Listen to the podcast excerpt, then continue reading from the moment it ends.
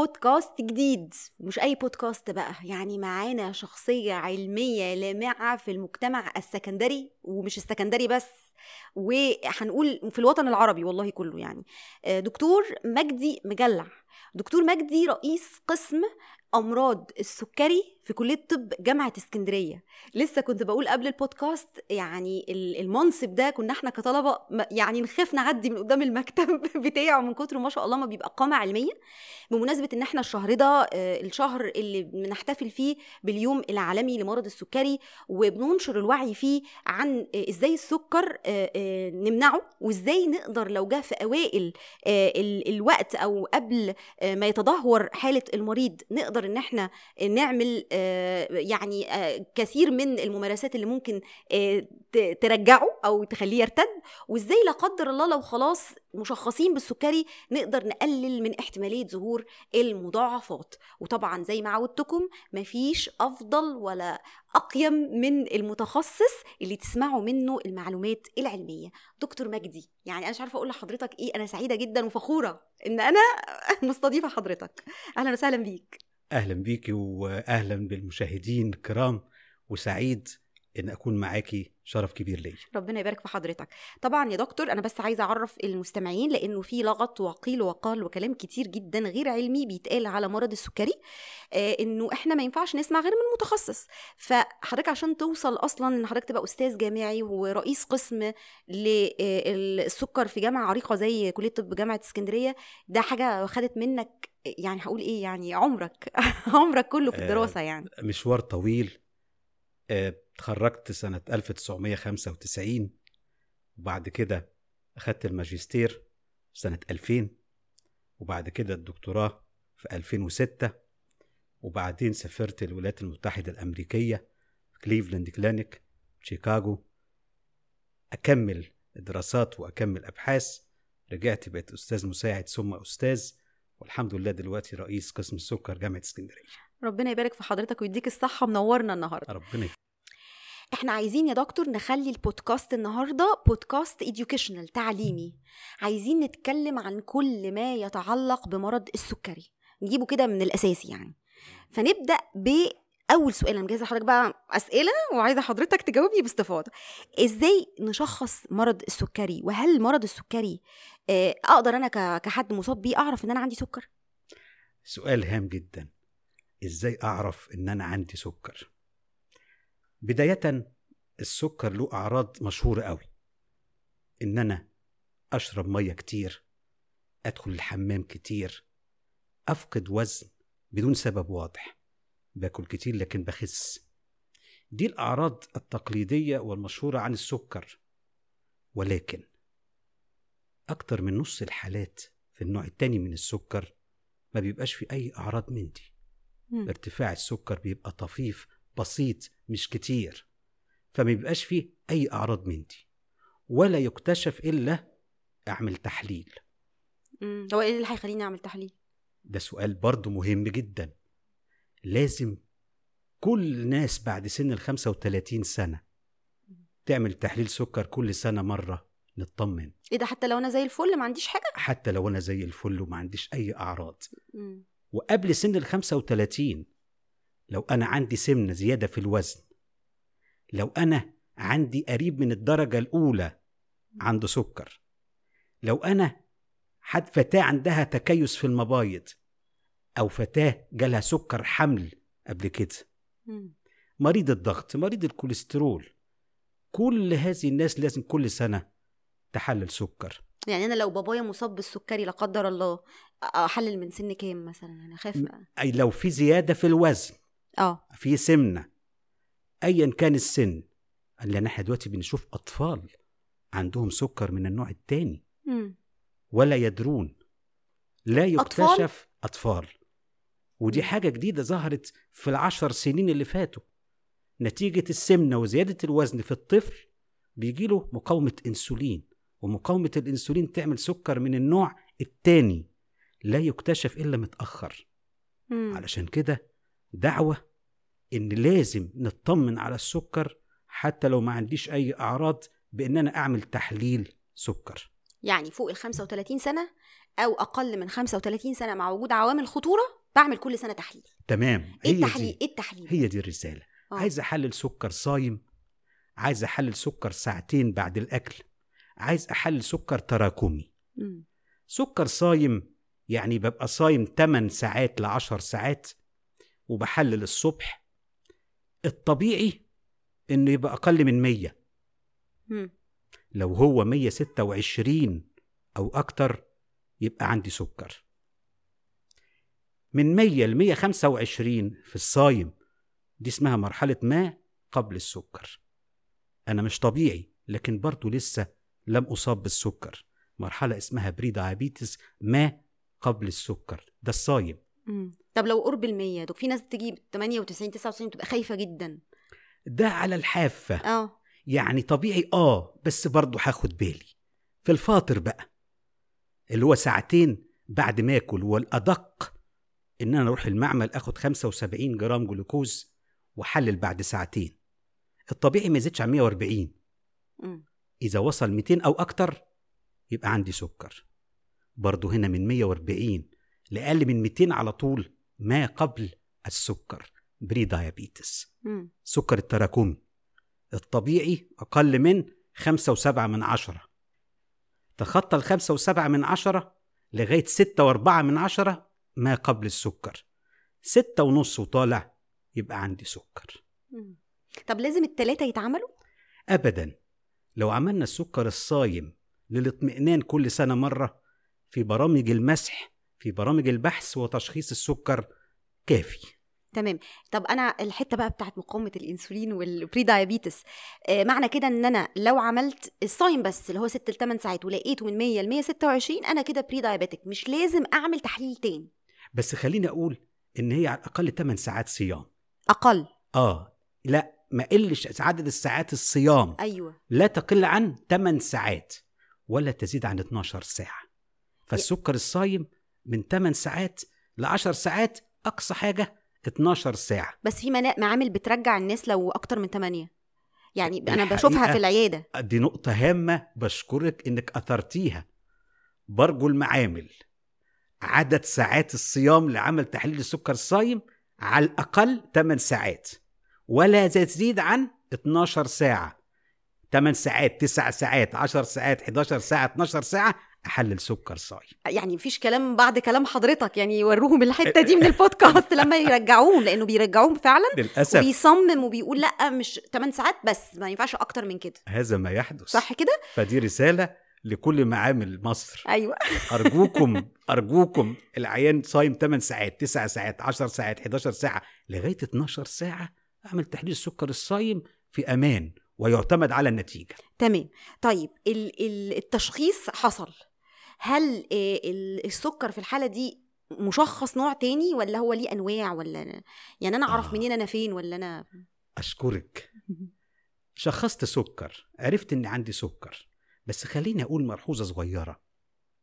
لو طلع قراءات السكر في بداية السكر مثلا الصايم طلع عندي 150 مثلا الفاطر طلع 230 ومفيش أي أعراض.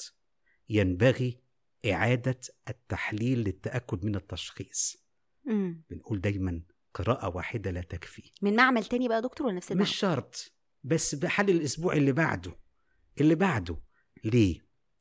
مرات السكر بيعلى مؤقتا نتيجة انفعال نتيجة دواء معين نتيجة نتيجة. فلا يجب تشخيص السكر بناء على تحليل وحيد في يوم وحيد. ينبغي التأكد من التشخيص إلا إذا طلعت الأرقام عالية قوي لو سكري طلع 300 400 مش مفيش داعي للتأكد عندي سكر. تمام. لكن في بداية المدى اللي بنشخص بيه سكر ينبغي التأكد من التشخيص في تاريخ لاحق. طيب حضرتك قلت واحد بيخس والتاني ممكن يبقى زائد في الوزن والاتنين بيبقوا مشخصين سكر. إيه ده؟ ده نوع وده نوع مثلا؟ آه. شخصت السكر بشوفه هو نوع أول ولا نوع تاني ولا أنواع أخرى. إيه ده في أنواع أخرى؟ آه بس خليني الأول أقول إيه الفرق بين النوع الأول من السكر والنوع التاني. النوع الأول من السكر بيحصل في سن صغير في أطفال. في مراهقين عادة قبل سن العشرين سنة وده مرض مناعي. بيحصل كده كده هيحصل. آه. بيحصل فيه أجسام مضادة بتتكون جوه الجسم.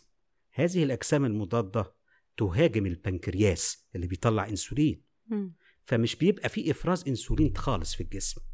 فتلاقي السكر في النوع الأول مرتفع قوي وغالبا فيه أسيتون بيظهر. حموضة في الدم بتحصل. بتبقى بداية النوع الأول من السكر بداية عنيفة شوية. مم. سكر عالي قوي في أسيتون ساعات المريض بيدخل في غيبوبة أيوه سكر. يعني هو كثير من الأحيان بيقولوا إن هم اتشخصوا لما دخلوا في الغيبوبة الأطفال أهالي الأطفال يعني. بالظبط ده النوع الأول المرض المناعي. النوع الثاني من السكر بيحصل في سن كبير يعني عادة فوق سن الأربعين. وبيحصل نتيجة مقاومة الإنسولين اللي هي نتيجة زيادة الوزن.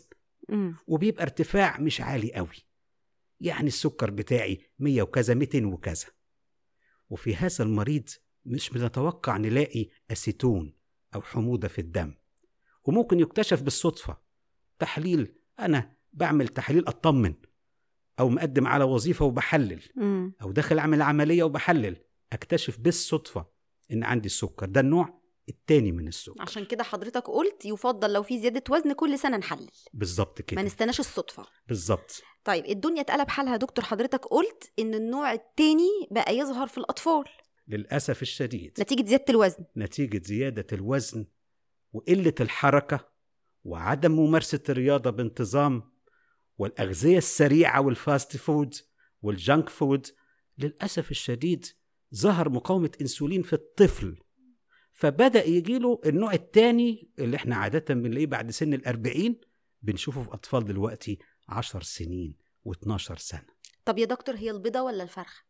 بمعنى مقاومة الإنسولين هي اللي بتزود الوزن ولا زيادة الوزن هي اللي بتعمل مقاومة إنسولين؟ معلش. سؤال شائك. أيوه. سؤال شائك. أنا مش هفوت بقى البودكاست. الحقيقة القاعدة إن أنا لو باكل أكتر ما بحتاج ما بحرق.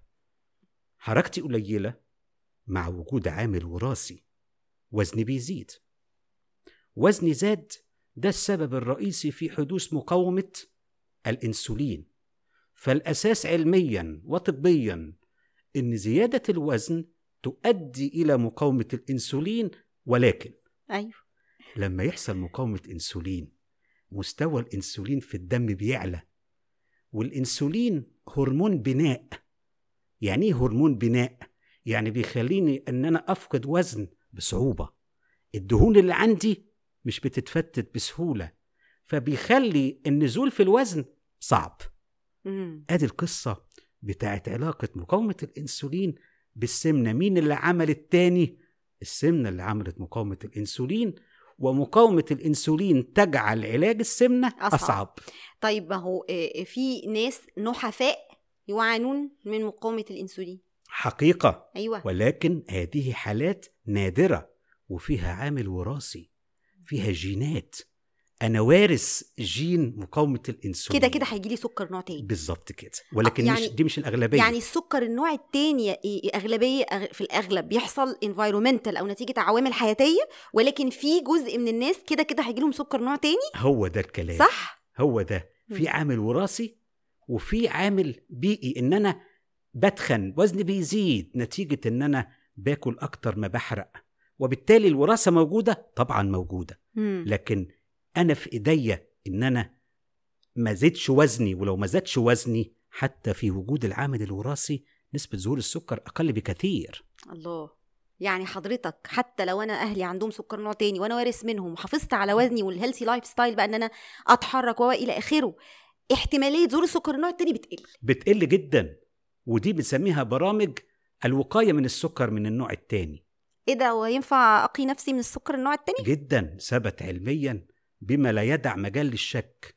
آه إن أنا لو مارست رياضة بانتظام نظمت أكلي قللت وزني ده بيقلل احتمال ظهور السكر على الأقل 60% مم. ودي نسبة عالية. طبعا. فبالتالي آه الإجابة يمكن الوقاية من حدوث السكر من النوع الثاني في كلمتين وباختصار شديد نتيجة تغيير نمط الحياة تعديل نمط الحياة. وفرصة يا دكتورة نيلي إنك معانا.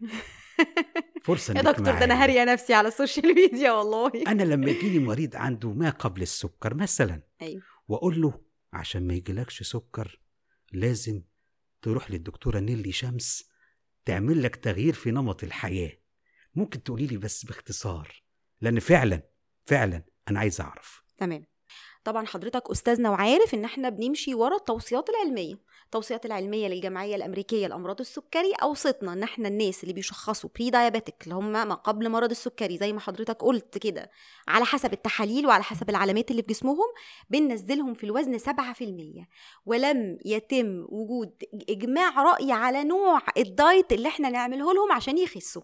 لازم نحترم ال habitual eating pattern يعني هم بياكلوا إزاي ونبدأ ندرج من أكلهم هم نزول السعرات وتغيير طريقة تداولهم وتعاملهم مع النشويات. بنركز قوي إن النشويات نوعيتها تبقى نشويات معقدة ومؤشرها الجليسيمي بيبقى من متوسط إلى منخفض نقلل النشويات. اللي مؤشرها الجليسيمي عالي أو ممكن.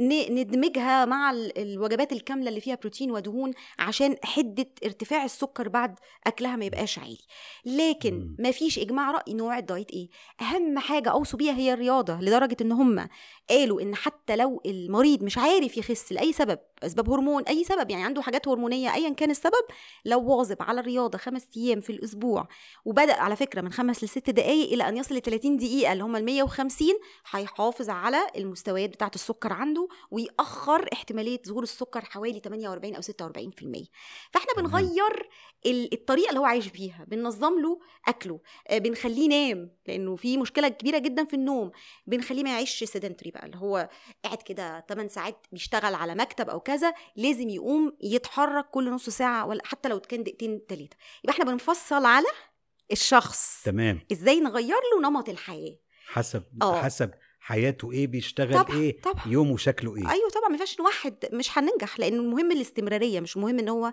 يفقد ال 7% وبعدين يرجع يرتد تاني في الوزن. صح كده؟ تمام. يعني الكلام اللي أنا قلته صح يا دكتور؟ طبعا عشان صح. هو ده اللي- آه، هو طبعا. ده اللي أنا بقوله. طبعا. ده ما قبل السكر. أيوه. فرصة بقى. أيوه. فرصة. في مريض نوع أول من السكر ده معتمد على الإنسولين. ومريض نوع تاني من السكر بنديه أقراص مع نظام الأكل. لما بيجي لك يا دكتورة نيلي في فرق بين ده وده في النظام الغذائي؟ طبعا. المريض النوع التاني بيبقى أسهل في التعامل وفي التداول مع النشويات. لأن هو برضو بيبقى حسب هو في أنهي مرحلة بقى له قد إيه مشخص بيبقى زي ما حضرتك قلت في أمل إن يحصل ارتداد لهذا المرض. وبالتالي إحنا التوصيات العلمية بتقول إن إحنا ننزله 15% من وزنه مع الحفاظ على التوصيات اللي أنا قلتها سابقا والرياضة. تمام؟ تمام. وبرده مع احترام ال eating pattern أو طريقة أكله وعيشته. وهم حتى في ال في ال Diabetes Care قالوا إيه؟ اللي هي التوصيات دي؟ إنه دايما الناس اللي بيبتدوا بقى يغيروا نمط حياتهم بيبقى نسبة نشوياتهم في الأكل من 40 ل 45% فأنت. المفروض حضرتك تشتغل على هذه النسبة اللي هي تبقى لائقة على المريض. نيجي بقى. للنوع الأول. آه. لا النوع الأول حضرتك بتديله وحدات إنسولين يا فندم. وحدات الإنسولين بنحتاج قصادها إيه؟ عد نشويات. مم. يعني لكل آه، وحدة إنسولين بيبقى فيه جرامات محددة من النشويات بتبقى modified أو معدلة على حسب نوع الإنسولين وعلى حسب الشخص ده سكره عامل إيه طول النهار مم. تبقى مرتبطة بالوجبات وتبقى مرتبطة بالرياضة يعني الموضوع مش بيتاخد بشكل عام زي السكري النوع التاني عايزة تثقيف صحي وعايزة طبعاً. نقعد مع المريض كتير طبعا ويتعلم يتصرف ويتعامل.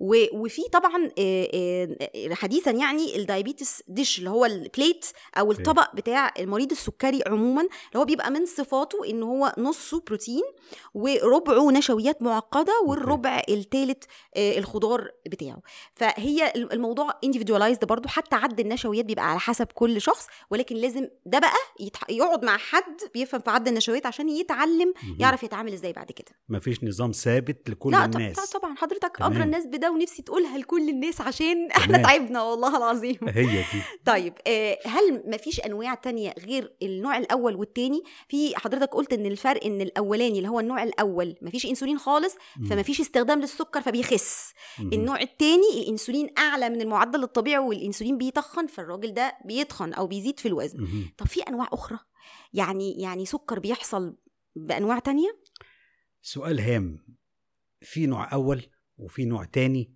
وفي سكر الحمل. آه. سكر الحمل ده لا هو نوع أول ولا هو نوع تاني. ده معناه سكر بيتشخص لأول مرة أثناء الحمل. مش بس كده ده أثناء النص التاني من الحمل. يعني لو أول شهر في الحمل تاني شهر في الحمل وحللت السيدة الحامل سكر ولقيته عالي مم. ده مش سكر حمل. دي هي أصلا كان عندها سكر من النوع التاني ولا تدري. تمام. ولما عملت التحاليل بتاعت بداية الحمل اكتشفته. هي التحاليل دي إجبارية؟ لازم. آه. روتين. عشان بس لو رحت لدكتور لسه ما كتبها ليش أنا لازم أعملها. طبعا. في مم. بداية الحمل لازم أشوف فيه السكر ولا لأ. هقول لحضرتك ليه أنا بقول. كده؟ لأن في سيدات في الحمل الثاني والثالث مش بيتابعوا مع دكاترة. يعني في الآخر حقيقة. خالص بيروحوا لدكاترة. فلا أول ثلاث شهور لازم تعمل تحليل سكر. دي مهمة لأن أحيانا بنشوف المريضة تكتشف في الشهر التاسع. وللأسف بيبقى حصل مضاعفات للجنين. طبعا. لأن هي السكر لم يكتشف. لكن هرجع للنقطة التانية إن لو شخصت السكر في الشهور الأولى من الحمل ده مش سكر حمل. مم. ده كان سكر نوع تاني من قبل ما تحمل وتشخص مع تحاليل الحمل سكر الحمل هو سكر بيبدأ في النص التاني من الحمل. وده لازم نتعمل له تحليل ومش التحليل اللي قلنا عليه سكر صايم وفاطر لا ده بيكتشف بمنحنى سكر. منحنى سكر لازم أي سيدة حامل بعد الأسبوع ال 22 من الحمل.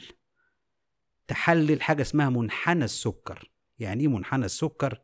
يعني بتروح المعمل بنشرب 75 جرام جلوكوز بنحلل صايم بعد ساعة بعد ساعتين بعد ثلاثة ونشوف الأرقام في الأربع قرايات دول. إذا تخطت مدى معين بيبقى عندنا سكر حمل. دي رسالة هامة. جدا. إن أنا بحلل مرة في الشهر الأول من الحمل تحليل سكر صايم عادي. وفي النص التاني بعد الأسبوع العشرين أو الاثنين وعشرين من الحمل منحنى سكر. الرسالة هامة ليه؟ لو, لو, لو ما اكتشفتش سكر الحمل للأسف بيعمل مشاكل في الجنين تلاقي حجمه بيزيد. المية اللي حواليه بتزيد ودي قد تؤدي إلى مضاعفات خطيرة. طب أنا بقى قريت في ال- ال- العلم إنه الطفل اللي بيولد لأم مصابة بالسكري أثناء الحمل بيبقى معرض أكتر إنه يجيله سكر وزيادة وزن وأمراض متعلقة بهذا المرض قدام. هل دي حقيقة؟ مية في المية. مم. الطفل اللي حصل أثناء الحمل فيه والدته جالها سكر حمل معرض إن يجيله نوع تاني من السكر بس مش هيتولد عنده سكر. أيوه. قدام. لما يكبر معرض أكتر يجيله مقاومة أنسولين وسكر من النوع التاني. طيب في أنواع تانية من من السكري؟ يعني أنا سمعت برضه معلش الحتة دي أسأل حضرتك فيها إن في سكر نوع أول ممكن يجي في سن كبير ودي حاجة لسه حديثا صح كده؟ حقيقة. مم. دي حالات بقى نادرة. أيوه. إن يحصل النوع الأول من السكر اللي عادة بيحصل في طفل يحصل في سن كبير. في خمسين سنة. يبقى مناعي برضه. ستين سنة. ومرض مناعي. مم. زي ما قلنا السكر النوع الثاني اللي عادة بيحصل بعد سن الأربعين ممكن يحصل في سن عشر سنين استثناءات. مم. لكن أنا عايز أقول غير النوع الأول والنوع الثاني وسكر الحمل في حاجة اسمها سكر ثانوي. يعني إيه سكر ثانوي؟ يعني بيحصل نتيجة أسباب وأمراض أخرى. مثال بعض الأدوية قد تؤدي إلى سكر حمل مم. زي الكورتيزون. زي الكورتيزون أشهرها. مم. بعض أمراض الغدد الصماء زي الإفراط في نشاط الغدة الدرقية. الإفراط. آه أو الغدة الكظريه قد تؤدي إلى سكر. اسمه سكر ثانوي. آه ليه يق- يقال إنه الخمول في الغدة الدرقية بعد كده ممكن يصاحب بمقاومه إنسولين وسكري نوع تاني؟ نتيجة زيادة الوزن. أيوه. فهيؤدي إلى مقاومة إنسولين نتيجة زيادة الوزن اللي هي كسل الغدة الدرقية مم. لكن الإفراط في نشاط الغدة الدرقية بيعمل سكر مباشرة لأن هرمونات الغدة الدرقية بتعلي السكر فلما تبقى عالية هي نفسها تسبب سكر بلاش كده البنكرياس نفسه لو واحد عنده التهاب في البنكرياس هيحصل له سكر. ده مش نوع أول ولا تاني. اللي هو الالتهاب الحاد. الالتهاب الحاد في البنكرياس. يؤدي لسكر مزمن ولا برضه فترة مؤقتة؟ مؤقت لو هو التهاب حاد وهيروح لحاله. أيوه. لكن لو مثلا ورم في البنكرياس مم. ده طبعا بي... لو حد عمل عملية جراحية واستأصل البنكرياس دي هتؤدي إلى سكر. تمام. ده اسمه سكر ثانوي. تمام. ليس نوع أول ولا ثاني ولا سكر حمل طيب آه ال- الناس اللي عندها سكر بتبقى خايفة من إيه؟ إيه هي المضاعفات اللي بتبقى مم. معرضة ليها؟ مم. يعني يعني ما يجي لي سكر ما الشعب المصري كله عنده سكر يعني ده اللي بيتقال من المرضى. فايه المشكلة يا دكتور؟ هي دي النقطة بقى. هو أنا بظبط السكر ليه؟ لأن ساعات المريض بيسأل أنت محيرني ليه؟ نظام غذائي ورياضة ودواء يعني أنا مش حاسس بحاجة خاصة المريض اللي ما عندوش أعراض. أيوه. في مريض ما عندوش أي أعراض بيحلل بالصدفة لقى السكر عالي. بيلاقي نفسه دخل في نمط حياة مختلف وعلاجات مختلفة فبيسأل السؤال ده. طب أنت ليه بت... ليه بقى تحمل كل هذه المشقة؟ الإجابة ببساطة شديدة. إن السكر لو ما اتعالجش لو ما اتظبطش لو ما اهتمتش بعلاجه سوف يؤدي إلى مضاعفات خطيرة. على سبيل المثال قد يؤثر على العين أيوة. ويعمل اعتلال في الشبكية. وأنا ما عنديش أعراض خالص؟ بدون أي أعراض. فجأة ألاقي عينيا اتاثرت فجأة أكتشف إن عندي سكر باعتلال في الشبكية. مم. وخليني أقول وأتكلم بصراحة إن اعتلال الشبكية بتاع السكر هو أكثر الأسباب شيوعا التي قد تؤدي إلى فقدان البصر. أنا بتكلم بصراحة شديدة. مم. قد يؤثر السكر على الكلى. ويعمل اعتلال كلوي. وظائفها بتقل يعني. بالظبط نلاقي الكرياتينين يعلى مم. كفاءة الكلى بتقل. ودي للأسف الشديد السكر بقى أكثر الأسباب شيوعا اللي بتوصل واحد يعمل غسيل كلوي. مم. القدم. السكر لو ما اتظبطش هأكد تاني. لو ما اهتمتش بعلاجه. لو ما ظبطتوش. قد يؤثر على القدم. الأعصاب الطرفية. يحصل فيها اعتلال الشرايين يحصل فيها ضيق وده ممكن يتطور إلى ما يعرف بالقدم السكري. يا دكتور بس عشان أكد على المعلومة يعني واحد لا يعاني من شيء غير زي لخبطة في التحاليل هو اكتشفها صدفة. لو ما اتعالجش وما عندوش أعراض ممكن يوصل للمضاعفات بدون أعراض؟ للأسف الشديد حقيقة واضحة إن كتير جدا جدا جدا بنشوف حالات مضاعفات عين وكلى وقدم وهو لا يدري إن عنده سكر.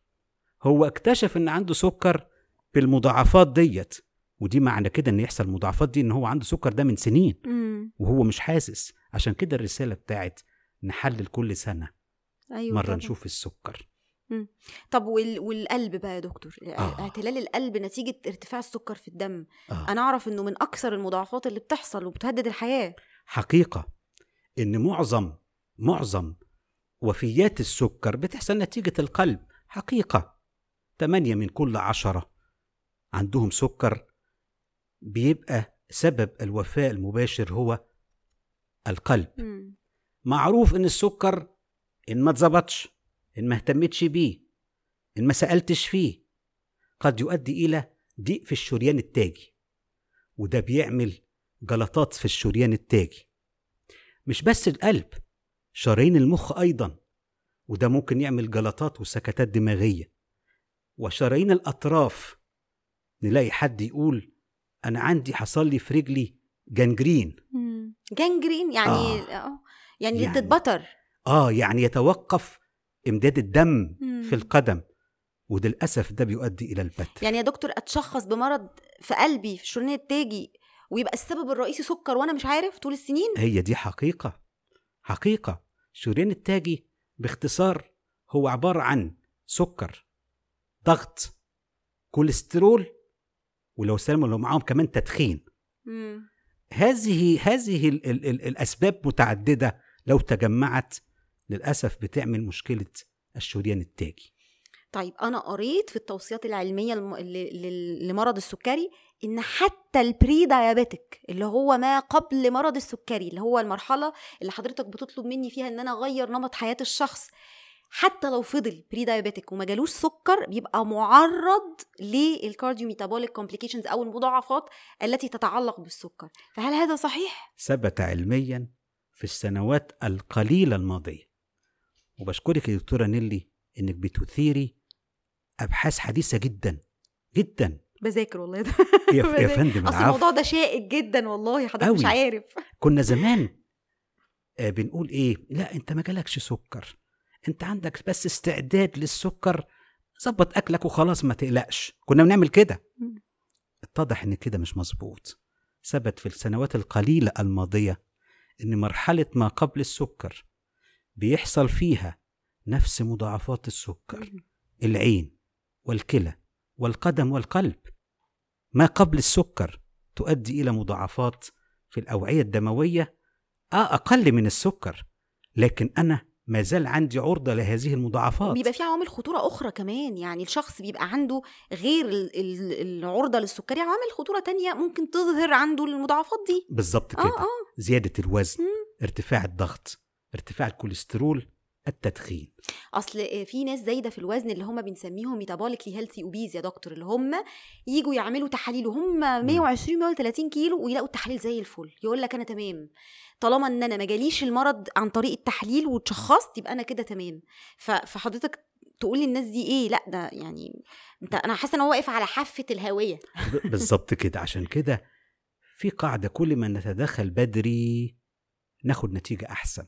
مم. لو أنا تدخلت في مرحلة إن أنا ما عنديش سكر ولا ما قبل السكر كوقاية أكيد دوت هيبقى أحسن.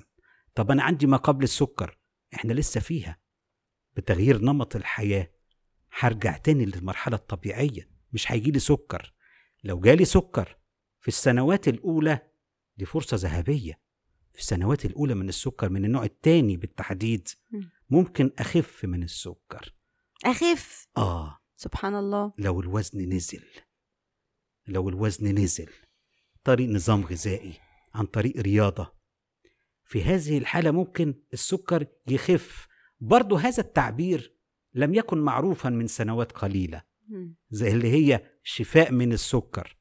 أصبح دلوقتي حقيقة أثبتتها الدراسات إن في بداية السكر في السنوات الأولى يمكن إن أنا لو صلحت مقاومة الأنسولين ممكن السكر يختفي بس بشرط إن أنا أحافظ على نمط حياة صحي لأن لو اختفى ورجعت زدت في الوزن تاني عاد السكر تاني. دكتور حضرتك المتخصص اللي سنين عمرك كلها بتدرس إحنا بقى في كلية الطب بنقول عليها ال pathology وال pathogenesis ال- الجذر المشكلة وإيه اللي بيحصل جوه الجسم والجسم بيتعامل إزاي مع الجلوكوز اللي بيرتفع نتيجة الأكل والكلام الكبير ده؟ قلت من خلال حديثك في كذا موقف تغيير نمط حياة. ما جبتش سيرة يعني ال keto diet ولا ال diet قليل النشويات جدا. اللي إحنا هرينا عليه أسئلة. مش هم زمان قبل اختراع الإنسولين قال لك إن العلاج بتاع السكر ده إن إحنا نقطع نشويات عشان الإنسان يبقى أحسن وما يموتش. بعدين لما اخترع الإنسولين ابتدوا يتكلموا في حتة إنه حتى ساعتها النشويات غلط. وبعدين لما ابتدت أمراض القلب تظهر قال لك لأ ده المشكلة في الدهون. إحنا نحط النشويات بدل الدهون ونقلل الدهون. إيه الموضوع؟ دلوقتي ال keto diet وال very low carb diets ماليه ال social media فليه حضرتك ما قلتليش يا نيلي اعملي لحالاتك very low carb diet أو keto diet وبرقت لي كده وأنا هسمع الكلام على طول؟ الحقيقة العلم كل يوم بيدينا معلومة جديدة. والحقيقة إن هاخد كلمتك. ما نقدرش نحط نمط غذائي ثابت ينفع كل الناس.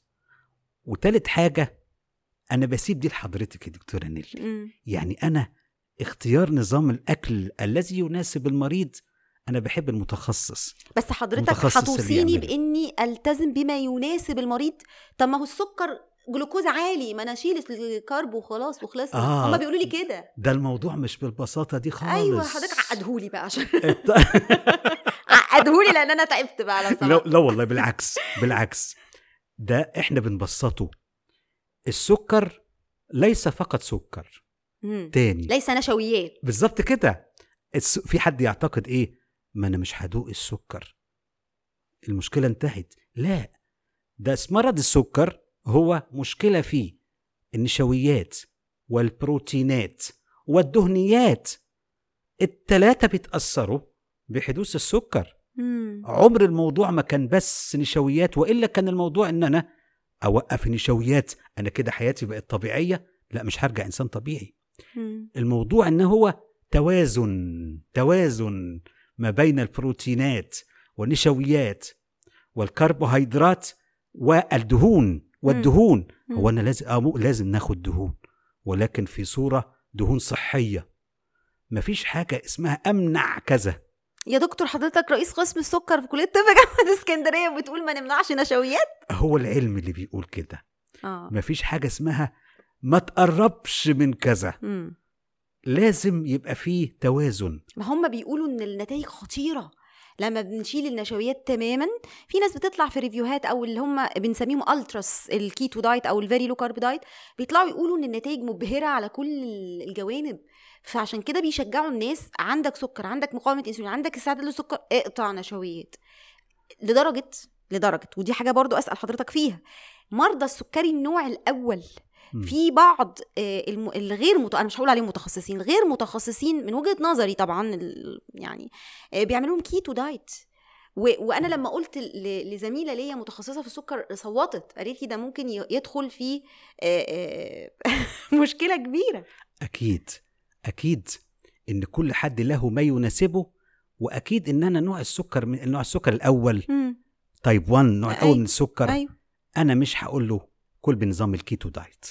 أكيد؟ بقول لحضرتك. بيعملوا له النظام- قد يفيد النوع الثاني من السكر مم. اللي وزنه عالي اللي عنده مقاومة الأنسولين ولكن مترتب على نظام حياته إيه؟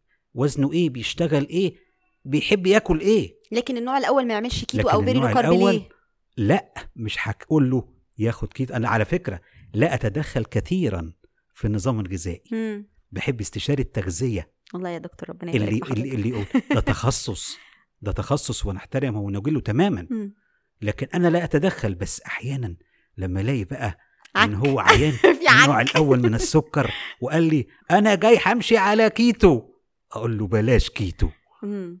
م- ما هوش كلام صح بيعرضوا لحاجة اسمها diabetic ممكن diabetic ketoacidosis. أو ممكن يدخلني في زيادة ketosis أو حموضة الدم مم. وبالتالي دي حاجة في منتهى الخطورة مم. لأن هو كلمة keto diet أو ketogenic diet يعني بيظهر ketone bodies على فكرة ال ketone bodies دي اللي هي الأسيتون مم. الذي يظهر مع ال- الحموضة بتاعه الدم أو غيبوبة السكر في النوع الأول فالنوع الأول ال- لا يناسبه ال keto diet النوع الثاني يناسب البعض وين... لا- ولا بعض. يناسب البعض الآخر. ربنا يكرم حضرتك والله مش عارفة أقول لحضرتك إيه. طيب القدم السكري. مم. القدم السكري أنا يعني بما إن إحنا في الشهر التوعيه لمرض السكري أنا بشوفه حاجة بعبع يعني حاجة تخوف إنه ممكن لا قدر الله يصل الأمر إنه آه، يحصل زي ما حضرتك قلت gangrene وما يوصلش دم للأطراف لدرجة إنه لا قدر الله نضطر نبترها. حاجة زي كده. المفروض نتعامل معاها إزاي؟ نقي نفسنا منها إزاي؟ ولو لا قدر الله حصلت أعمل إيه؟ القدم السكري هو علم قائم بذاته دلوقتي. هو تخصص موجود في الخارج إن أنا دكتور بتاع قدم. مم. عايز أقول إن أنا في فترة سافرت خارج مصر في الولايات المتحدة الأمريكية عشان أتمرن على علم القدم السكري. إيه القدم السكري. القدم في مريض السكر لو مش ظابط سكره. أنا دايما عايز أأكد على دي. لأن المريض اللي سكره مظبوط في أمان الله مم. مش خايف عليه. أنا بقلق على مين؟ على اللي سكره متلخبط. طب معلش يا دكتور مهتم. تعريف سكره مظبوط هل يبقى زي الطبيعي؟ الله. آه. الله على المواضيع اللي أنت بتثيريها يا دكتورة نيلي. يعني إيه سكر مظبوط؟ يعني الصايم ما يزيدش عن 130 عند المريض. عند المريض. آه. ساعتين بعد الأكل ما يزيدش عن 180 سكر تراكمي ما يزيدش عن 7% أيوه. ضغطي ما يزيدش عن 130 80 إيه ده الضغط دخل في الموضوع دخل. الكوليسترول بنقول في أرقام محددة في الكوليسترول الضار والكوليسترول النافع يجب ألا اتخطاها. ده تعريف سكر مظبوط. لمريض السكري. لمريض السكر. مم. فإذا كان أنا سكري مظبوط أنا عندي السكر والدنيا مظبوطة مفيش قلق مفيش خوف إحنا مطمنين. الأرقام بقى اللي حضرتك قلتها اللي هي بتعرف آه، ال- الأرقام الكويسة المتوازنة لمريض السكري بتيجي بالأدوية فقط؟ سؤال هام. مم. ابدا.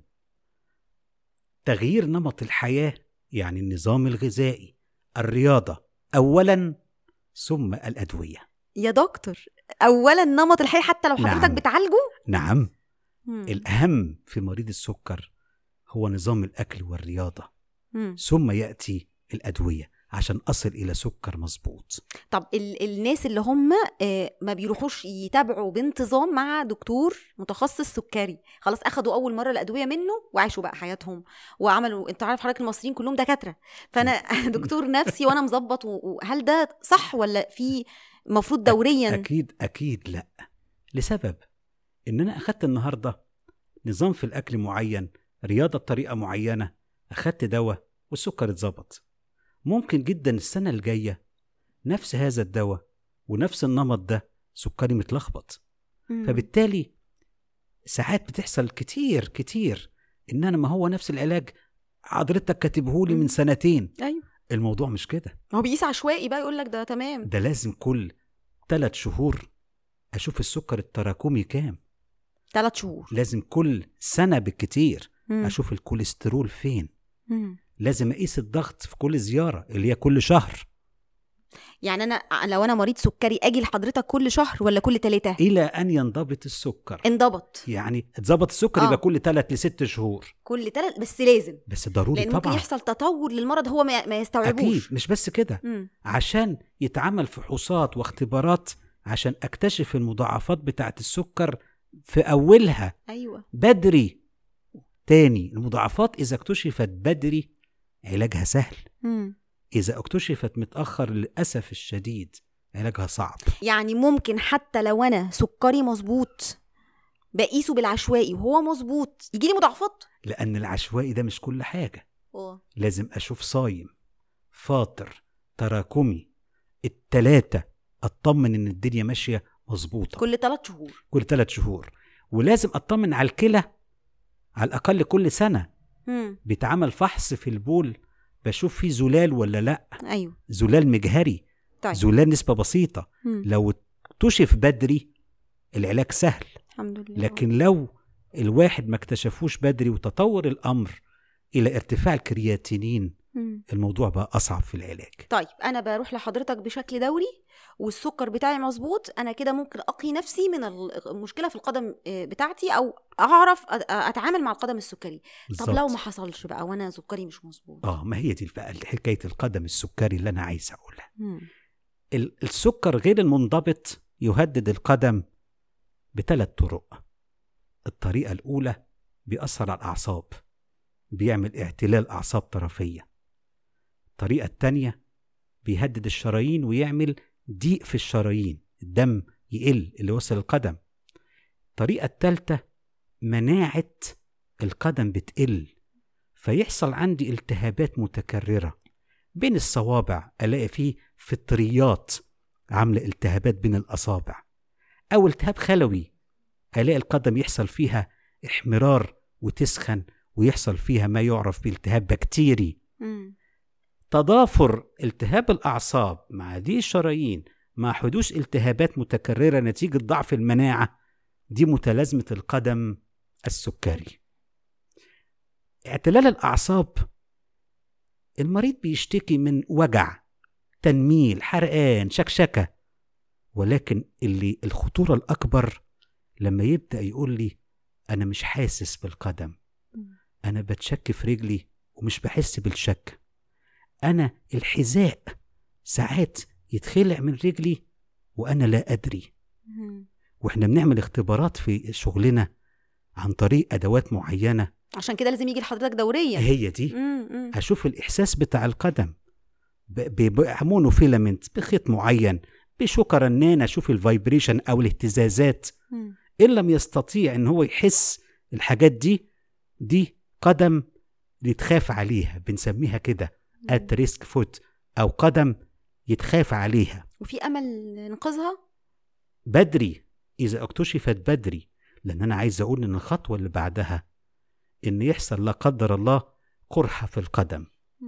ودي بتحصل ليه؟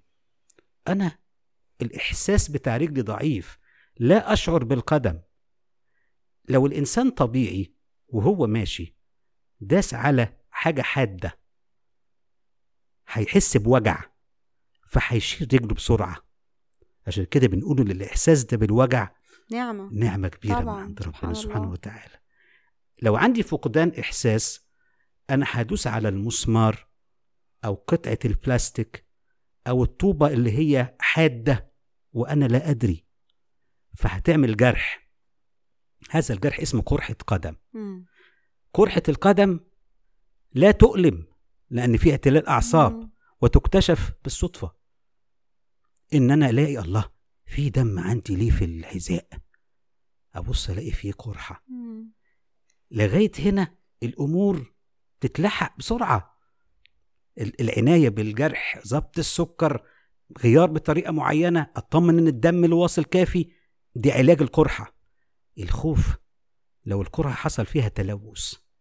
ودخل فيها ميكروب هندخل في مراحل ما بنحبش إن إحنا نشوفها بس للأسف. بنشوفها. كل ده ممكن نمنعه لو بنتابع دوريا عشان نكتشف أي مضاعفة في أولها. في أولها. مم. حتى كمان الشرايين.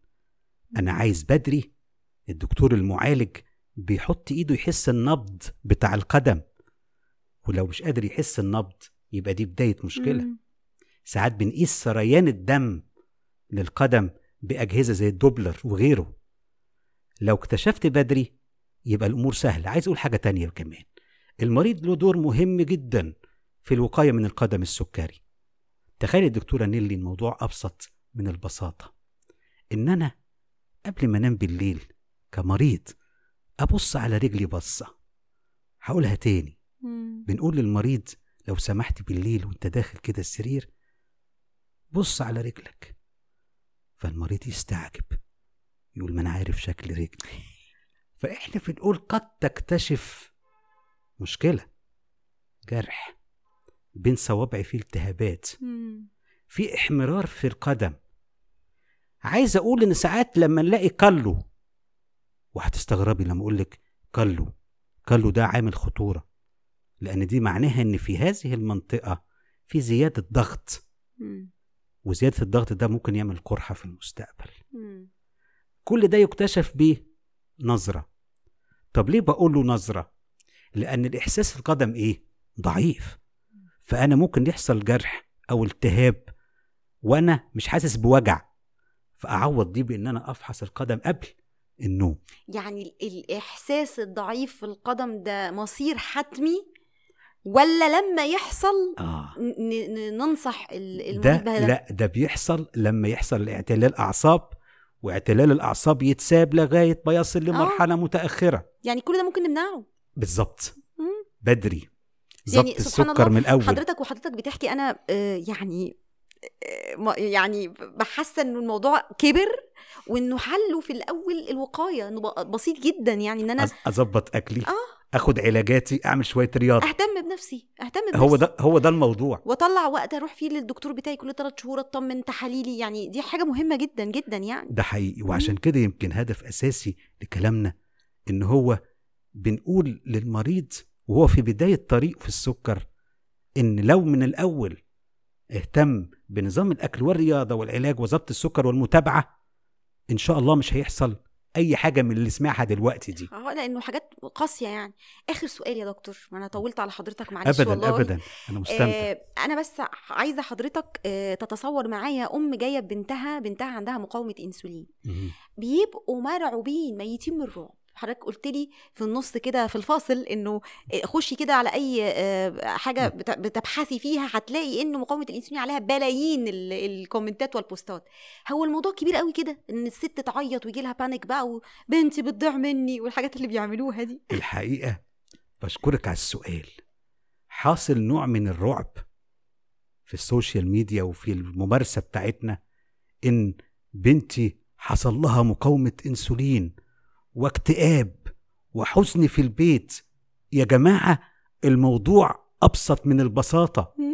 الموضوع إن أنا عايز أقول إن مقاومة الإنسولين ليست مرضا.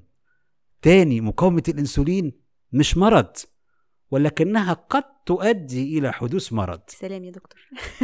ف- فأنا بقول لهذه السيدة الفاضله اللي جايبة بنتها عندها مقاومة إنسولين بنتك مش مريضة. مم. بنتك مش مريضة. دي نعمة إنك عرفتي أصلا هي م... هي ده دي. مؤشر. إن أنا بدري اكتشفت فيه مقاومة إنسولين. وعلى فكرة المريض اللي عنده مقاومة الإنسولين أنا مش بعالجه.